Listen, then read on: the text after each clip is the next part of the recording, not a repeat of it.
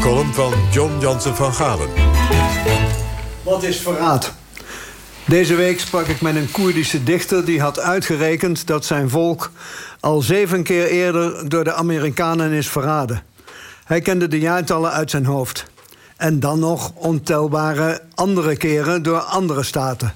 De Fransen en de Britten voorop. Want die haten volgens hem de Koerden bitter. Al sinds de kruistochten. Toen Franse en Britse kruisvaarders de voet is dwarsgezet door Koerdische troepen onder leiding van hun veldheer Saladin.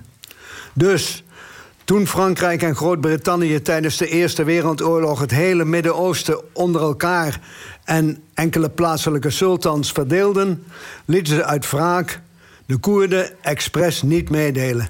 Dat is de bron van alle ellende, zei hij. Want een eeuw later hebben de Koerden, 40 miljoen koppen sterk, nog steeds geen eigen staat. Zou het? Kunnen wij ons voorstellen dat een middeleeuwse oorlog, zegt tussen de Hekerens en de Bronkhorsten, nog altijd de verhoudingen verpest tussen Arnhem en de Achterhoek? Ik niet. Die Koerdische dichter wel. Het geheugen reikt ver in de woestijn. Die overeenkomst van de Brit Sykes en de Fransman Picot uit 1916 was vier jaar later uitgemond in het verdrag van Sèvres en daarin is wel sprake van een Koerdische staat. Daar had de Turkse machthebber Atatürk namelijk voor gezorgd. Vriend van Lenin en westerse kapitalisten tegelijk, die de Koerden nodig had om hem te helpen de Grieken uit Turkije te verdrijven. Toen die klus eenmaal geklaard was, kwam drie jaar later al in het verdrag van Lausanne het woord Koerden niet eens meer voor. Komt het u bekend voor? Atatürk was begonnen een exclusief Turkse staat op te bouwen en daar kon hij de Koerden niet bij gebruiken. Is het verraad? Zo onrechtvaardig is de wereld, John, zei die Koerdische dichter. Ik moet zeggen, er gaan weken voorbij dat ik niet aan de Koerden denk. En als ik wel aan hen denk, is het beeld gemengd. Een stoer woestijnvolk, galopperend door de bergen, het mes tussen de tanden, pistolen in de holster, niet vies van smoggel en onderlinge vetes. Dat ze zich hebben opgeofferd om ons de hulp te schieten tegen islamitische staat en nu stank voor dank krijgen, klopt niet helemaal. Want ze namen allereerst de wapens op tegen IS uit eigen belang. Omdat die jihadisten gevaarlijk dicht naar Erbil oprukten. De hoofdstad van het autonome Koerdische gebied in Noord-Irak. Ja, als je nooit een eigen staat hebt gehad en je hebt eindelijk een beginnetje, dan wil je dat wel gewapende hand verdedigen. Daar heeft het Westen handig gebruik van gemaakt door de Koerden de kastanjes voor ons uit het vuur te laten halen. En daarvoor krijgen ze nu inderdaad stank voor dank. Nare stank.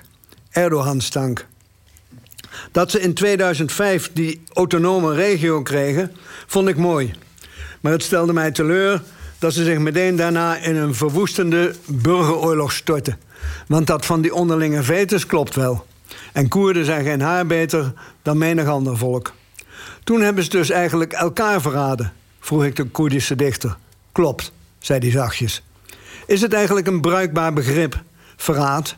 Het gaat altijd om conflicterende belangen in wisselende coalities die elk moment kunnen veranderen. Als ze zich inderdaad al tientallen malen verraden voelden, dan is het wel raar dat de Koerden uitgerekend Donald Trump wel vertrouwden. Je kunt maar beter nergens op rekenen in de internationale politiek, behalve op kwade trouw. Ja, John, dankjewel.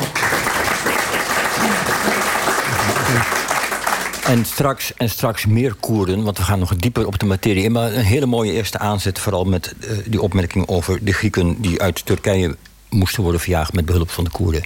Zo leert de geschiedenis ons weer. Jouw eerste kennismaking met, met de Koerden, was dat, weet je dat nog? Ik bedoel, Koerdische dichter ken ik al Koerdische dichter, ja. Het was niet Karabanemsi van uh, May. Daar had ik ook nog naar uh, willen verwijzen. Maar ik dacht, weten de mensen allemaal nog wie Karabanemsi is? Ja, juist. Ja.